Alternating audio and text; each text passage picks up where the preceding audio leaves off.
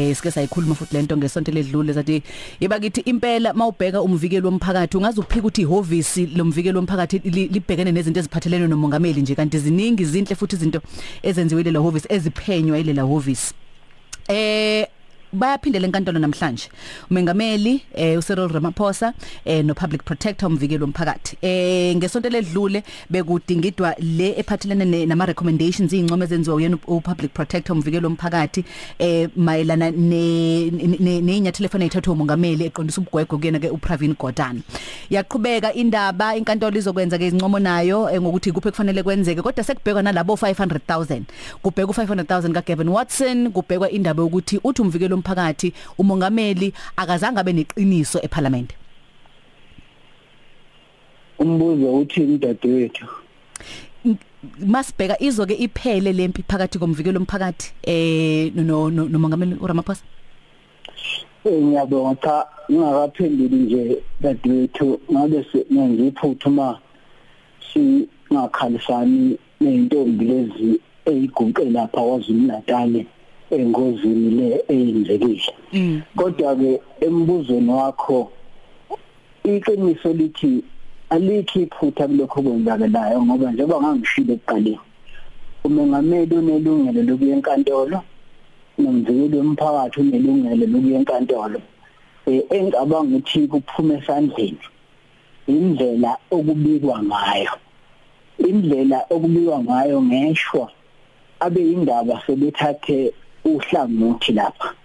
Abasabiki ngenhloso ukuthi mina nawe sifunde kuze senze isinqumo sethu njengabafundi. Abasakuvezi ku television ukuze sibuke bese senza isinqumo sebebhala engazi ukuthi khona into eliphutha inkantolo ngokomthetho waseNingizimu Afrika izona ezingomalamulela uma abantu ababili noma abaningi benenkinga befisa ukuthi bacushiswe kuyo kulandelwa umthetho. Ngisho umengameli ngaya zonke izinsuku na inyanga yonke uma nje ehamba ngomthetho yokuthi akolalele lutho kodwa nje indlela engibone ngathi eh kubikwa ngayo engakufundisi wena mfundi ubuqiniso bodaba engakufundisi wena mfundi umgudu wezomthetho la mina engikhala ngakhona. Mm. Ake sibheke udaba lika Meya weTheku eh uMeya uZandile Gumede. Sibonile ngesonto ledlule inkantolo inqume ukuthi angabuyela emsebenzini. Kodwa ngapha inhlangano iAfrican National Congress ithi iyona ekufanele ithathe isinqumo ngayo. Ngabe kukhona ukuphikisana vele kuye kuhambe kanjalo? Isiphi isinqumo esinamandla senkantolo noma senhlangano? Kuya ngokuthi imapha amaqala abekona inhlangano yakhe. Inhlangano yakho mhla ikujuba isuke ingekho inkantolo. Ikujuba njengelungu layo.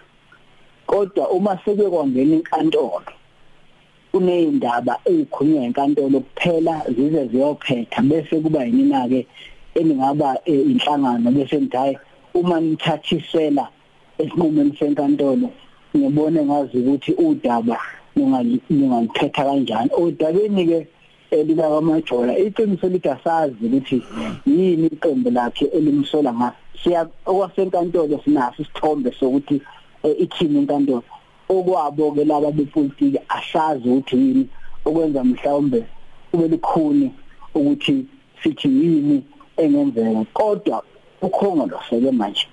Unenkinga engicabanga ukuthi kufanele usheshe uyilungise ngoba uma loludaba ungalilungisi manje sizoqaka enyangeni endlini ezintathu kufanele bathathe isinqumo. Uma bethi bayamisa babe nezathu zabo noma eh batshena abantu ukuthi bamniselani eh nako kuma bemisa kufanele baqaphele okokuqala kufanele bazi ukuthi balungele yini ukuthi uma ngabe umthetho noma inqubo yabo ithi uma kade khambe ekade usihlalo kulandela isekela. Kulokhu kulandela eh indiya umbuzo uthi ke ukhongolose ukulungele yini ukuthi ithe kuliphathe yindiya wena ukulungele yini? Ungayilunga akhongolose ukuqala lokho. Kwesibili uma ngabe bemeqa le indiya bethi bazolanda omunye umuntu okade isibonelo okade esifundazweni ku legislature noma eparliament kuzothini kulabantu abasuke bekhona?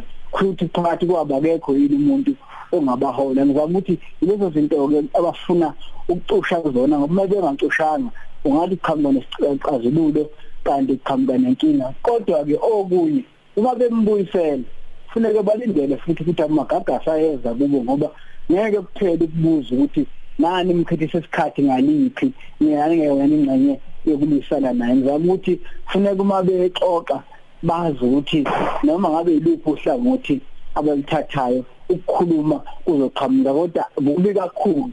Ungathathi isinqumo kulendaba abalithathe nje badlule eh, amagaba amatsha azoba noma ngabe bathathe isiphi isinqumo Mm. Kezokala mfowethu noMajalmane. Sesiphethe nje umfowethu Mtaka ngicela sibheke la eh kulolu daba esiye saliqala ngalo olithinta uRamaphosa umengameli wezwe kanye nomkhweba nomvikelo omphakathi. Sibheka indima edlalwa abeindaba. eh ingabe mhlambe basayibambe ngakho noma likhona ihaba njalo njalo endleleni ababika ngayo kulolu daba hawu kuyabhubha ke lapho njengoba ngeke ngasho nje. Ngibona abayixova kakhulu lento abendaba angithi zombili inhlangothi ngandlela thize. Ziphutuzela bona ukuthi ukukhuluma sokuyaphi eh lento ke engiyinhle. Abe indaba ke asiqale sisho nje ukuthi bamqoka kunoma yiphi inqubo yedemocracy. Kodwa ke mase bephenduka uNkulunkulu ononkulunkuluwana bokuthi izwe lizoya ngaphi kusuke sekuba ingozi isibone nje. Amaphephandaba esilungu angesonto ukuthi abantu abalikhuluma nje iqiniso. Ayikho lento yokuthi omabili abe nesihloko esifanayo eh namagama afanayo prefective hayi intatheli lezi engaqinile chaza ikhona umuntu oyedwa banika udaba olufanayo. Umbuzo uthi ke bayahlangana yini? Bahlele ukuthi sizolinda utshatha sinike leyo mpahla na? Iqiniso lithi yebo bayahlangana eh ngoba bona bayivumele. Ukhona intatheli eseyiphumile kulomshungu ukuhlangana bakhuluma ukuthi banakaza abantu namhlanje. Esezibasho ngamagama ukuthi ibani bani noyibani bani eh sasihlangana naye. Uyabona ke uma sekunjalo uchaza ukuthi umuntu lapha ogcine abesisulu imina mfundi noma wena mfundi ngoba awusazi manje ukuthi usafunde uyikho yini noma ufunda into lokuvese okufunele uyifunde. Isibonelo nje eh ngomgqibelo ngeke sibone nje sento nje sobala abaningi abangananga mhlawumbe. Ngomgqibelo yovisi lika mengameli uqalile ngehora lesibili laqala lagijima kwezinye inkundla eh zabe indaba lakhuluma laphika ukuthi lasho ukuthi mnathi kunezindaba ezitholiwe ufuna ngabe umkhobana eh asho ukuthi ithole kanjani. Abaningi abanaka ukuthi yini bashishwa yini kanti